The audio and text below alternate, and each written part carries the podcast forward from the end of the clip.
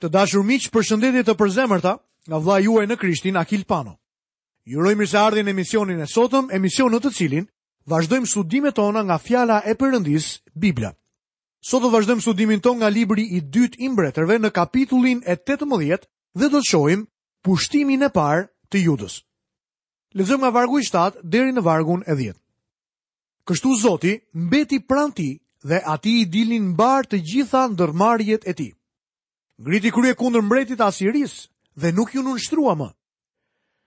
Mundi Filistejtë deri në Gaza dhe aty ku arrinte territori i tyre, nga kulla e rojës deri në qytetin e fortifikuar, Vitin e katërt të mbretit Ezekia, që ishte viti i shtatë i Hozeas, birit të Elaut, mbret i Izraelit, Shalmaneseri, mbret i Asirisë, doli kundër Samarisë dhe e rrethoi. Dhe pas tre vjetëve e pushtoi, vitin e gjashtë të Ezekias, që ishte viti i nëntë i Hoseut, mbretit të Izraelit, Samaria u pushtua me forcë. Mbreti Ezekia ishte një mbret guximtar. Nën komandën e tij, Juda ngriti krye ndaj Asirisë dhe mundi Filistinët. Gjatë vitit të gjashtë të mbretërimit të Ezekias, Shalmaneseri, mbreti i Asirisë, mori Samarinë. Mbretëria e veriut u mund. Tani midis Asirisë dhe Judës nuk kishte gjë tjetër veçse një tel me gjemba. Mbreti Ezekia ndodhej në një pozitë të keqe. Lexojmë vargjet 11 dhe 12. Mbreti i Asirisë i shpërnguli pastaj izraelitët në Asiri dhe i vendosi në Hala dhe mbi Haborin, lum i Gozanit dhe në qytetet e Medasve. Sepse nuk i ishin bindur zërit të Zotit, Perëndisë së tyre, dhe kishin shkelur besëlidhjen e tij, tërë ato që Moisiu, shërbëtori i Zotit, kishte urdhëruar, ata as e kishin dëgjuar, as i kishin vënë në praktikë. Këtu jepet një përsëritje e robërisë së Izraelit. Do të lexojmë më poshtë nga vargu i trembëdhjetë dhe i katërmbëdhjetë. Vitin e katërmbëdhjetë të mbretit Ezekia, Senasheribi, mbreti i Asirisë, doli kundër tërë qyteteve të fortifikuara të Judës dhe i pushtoi. Atëherë Ezekia, mbreti i Judës, dërgoi t'i thotë mbretit të Asirisë në Lakish: Kam mëkatuar, tërhiqu prej meje dhe kam për të pranuar të gjitha ato që do të më caktosh. Mbreti i Asirisë i caktoi Ezekias, mbretit të Judës, treqind talenta argjendi dhe tridhjetë talenta ari. Ezekia u përpoq të ngrihej sërish kundra Asirisë, por ai nuk pati sukses. Për këtë arsye, tani duhej të paguante. Lexojmë më poshtë në vargun e 16. Në atë kohë Ezekia hoqi nga portat e tempullit të Zotit dhe nga shtalkat arin me të cilin Ezekia mbreti i Judës i kishte veshur dhe ia dha mbretit të Asirisë. Lexojmë në vargun e 17. Atëherë mbreti i Asirisë i dërgoi Ezekias nga Lakishi në Jeruzalem, Tartanin, Rabsarisin, dhe Rabshakehun me një ushtri të madhe. Ata dolën dhe arritën në Jeruzalem. Kur arritën në Jeruzalem, shkuan e u ndalën pranë ujësjellësit të pellgut të epërm, që është në rrugën e fushës së rrobalarësit. Senakeribi e kërcënoi Jeruzalemin me një ushtri të madhe. Lexojmë më poshtë vargun e 18 dhe të 19. Kur thërritën mbretin, u ndalën përballë Eliakimit, bir i Ilkahut, prefekti i pallatit, Shebna, sekretari dhe Joau, biri i Asafit, arkivisti. Atëherë, Rabshekeu u tha atyre, Shkoni t'i thoni Ezekias, kështu thotë i madhi mbreti i Asirisë, ku e gjen gjithë këtë besim? Rabshakeu u përpoq t'i frikësonte duke u sugjeruar dy gjëra. Lexojmë vargun 20 dhe 21. A mendon vallë që këshilla dhe forca për të bërë luftë janë vetëm fjalë të kota? Te kush ke besim kur ke ngritur krye kundër meje? Ja tani, ti ke besim në përkrahjen e këtij kallami të thyër, që është Egjipti, që çan dorën e atij që mbështetet në të dhe e shpon. I tillë është pikërisht faraoni, mbreti i Egjiptit, për tërë ata që kanë besim tek ai. Duke ditur që Ezekia po priste ndihmë nga Egjipti, Rabshakeu e tall Egjiptin duke e krahasuar me një kallam të thyer që kushdo që do të mbështetej në të, do të çahej dhe shpohej. Ai thotë, ju nuk do të merrni asnjë përkrahje nga Egjipti. Tani ai përpiqet të hedhë gurin e dytë. Lexojmë në vargun e 22. Ndofta do të më thoni, ne kemi besim tek Zoti Perëndia ynë.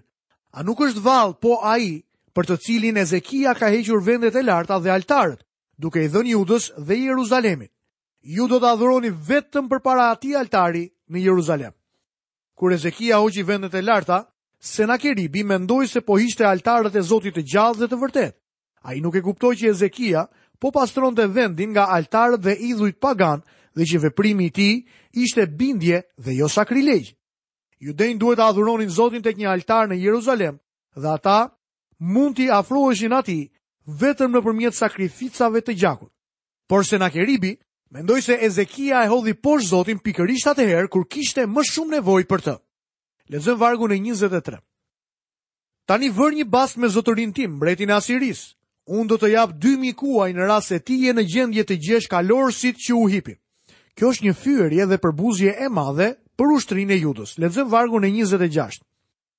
Atëherë Eliakimi, biri i Ilkahut, Shebna dhe Joashi i thanë Rabshekahut, të lutem, folu shërbëtorëve të tu në gjuhën aramaike, se ne e kuptojmë, por mos na fol në gjuhën ebraike, sepse populli që është mbi muret, dëgjon.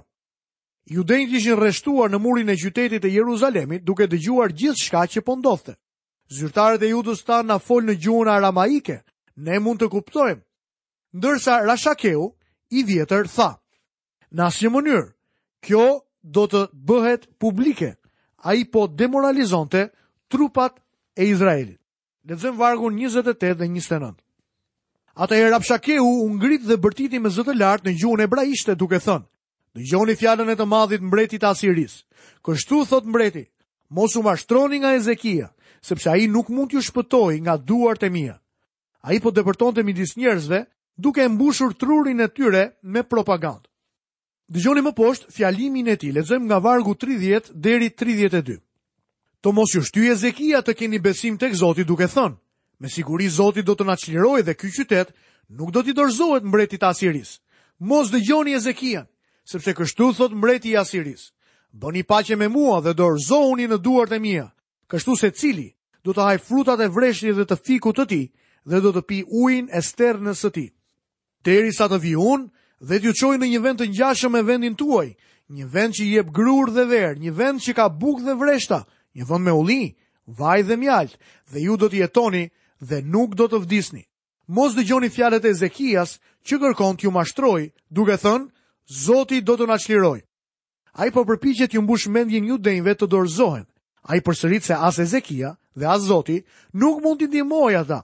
Ai u premton se nëse dorëzohen, do t'ua kursejë jetën. Ai po thotë, "Bini dakord me mua dhe unë do t'ju lë në paqe të gëzoni shtëpitë tuaja për një farë kohe." Pastaj shton, "Edhe nëse ju shpërngulim, sërish do të jetë një vend i bukur si ky juaji, vendi ku ne do t'ju shpiem." Lexojmë më poshtë vargjet 33 deri 35. A ka çliruar ndonjë prej perëndive të fiseve vendin e tij nga duart e mbretit të Asirisë? Ku janë perënditë e Hamathit dhe të Arpadit? Ku janë perënditë e Sefarvaimit, të Henas dhe të Ivahut? E kanë çliruar ata vallë Samarinë nga duart e mia? Kush midis tërë perëndive të këtyre vendeve ka çliruar vendin e tij nga duart e mia, që Zoti të çlirojë Jeruzalemin nga duart e mia? Për Rabshakeun, ky ishte një argument shkatërrues dhe pa përgjigje. Ishte e vërtetë që asnjë perëndi nuk e kishte çliruar popullin e tij nga mbreti i Asirisë.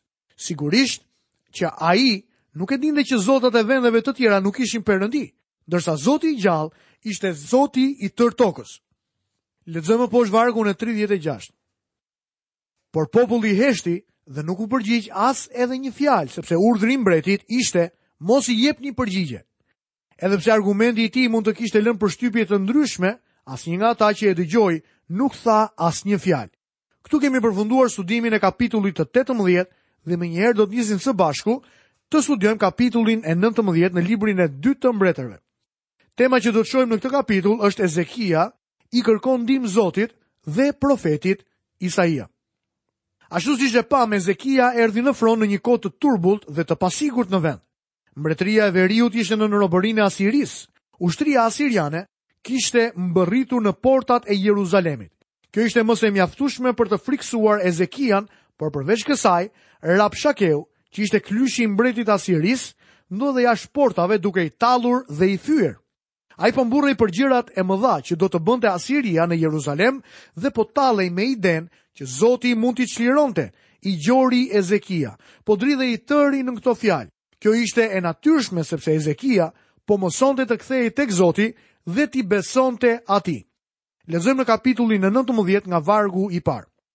Kur mbreti Ezekia dëgjoi këto gjëra, grisi rrobat e tij, u mbulua me një thes dhe hyri në shtëpinë e Zotit. Grisja e rrobave të tij dhe mbulimi me thes tregon dhimbjen e rëndë të Ezekias dhe pikëllimin e tij të madh. Vini re se ai shkon në shtëpinë e Zotit.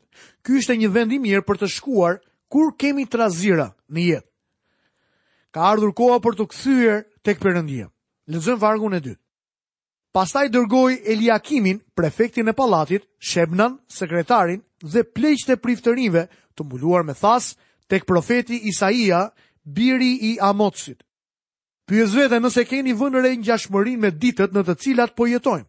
Ne mendojmë se kombi ynë është i krishterë dhe i sofistikuar, ndërsa kombi i Ezekias i joqytetëruar dhe gjysmë pagan. Në kohët tona të vështira, a keni dëgjuar ndonjëherë ndonjë politikan, mësues, udhëheqës apo edhe ushtar që të kthehet tek Zoti dhe t'i thërrasë atij për ndihmë? Jo. Në vend të kësaj njerëzit presin nga ekspertët dhe dëgjojnë ata që kanë nivelin më të lartë të inteligjencës për të dhënë këshillën më të mirë. Ne i kemi dëgjuar gjithmonë këta njerëz, madje që kur kam qenë i ri. Ne po hyjmë gjithmonë e më shumë në errësirë. Problemet tona sot mbivendosen. Vështirësitë tona po na pushtojnë. Askush nuk dëgjon dikë që t'i drejtohet Zotit. Mundësia jonë e vetme është të kthehemi tek Zoti në këtë kohë të errët në historinë e kombit tonë. Ne jemi një komb i ri, por tashmë jemi të vjetër dhe sikur po dalim nga rruga. Historia na tregon se jeta e shumë kombeve është rreth 200, 300 apo 500 vjeçare. Në vend që të kthehen tek Zoti, njerëzit thonë, le të mblidhemi, le të provojmë një rrugë të re, le të gjejmë një metodë të re, le të punojmë për këtë problem nga një këndvështrim tjetër, le të marrim një person kompetent në fushën e psikologjisë, mjekësisë, qeverisjes apo edukimit dhe të na tregojë rrugëdaljen. Miqtë e mi, Të gjithë këta ekspertë na kanë futur akoma më në errësirë dhe jemi në telashe. Ne kemi nevojë për Perëndinë.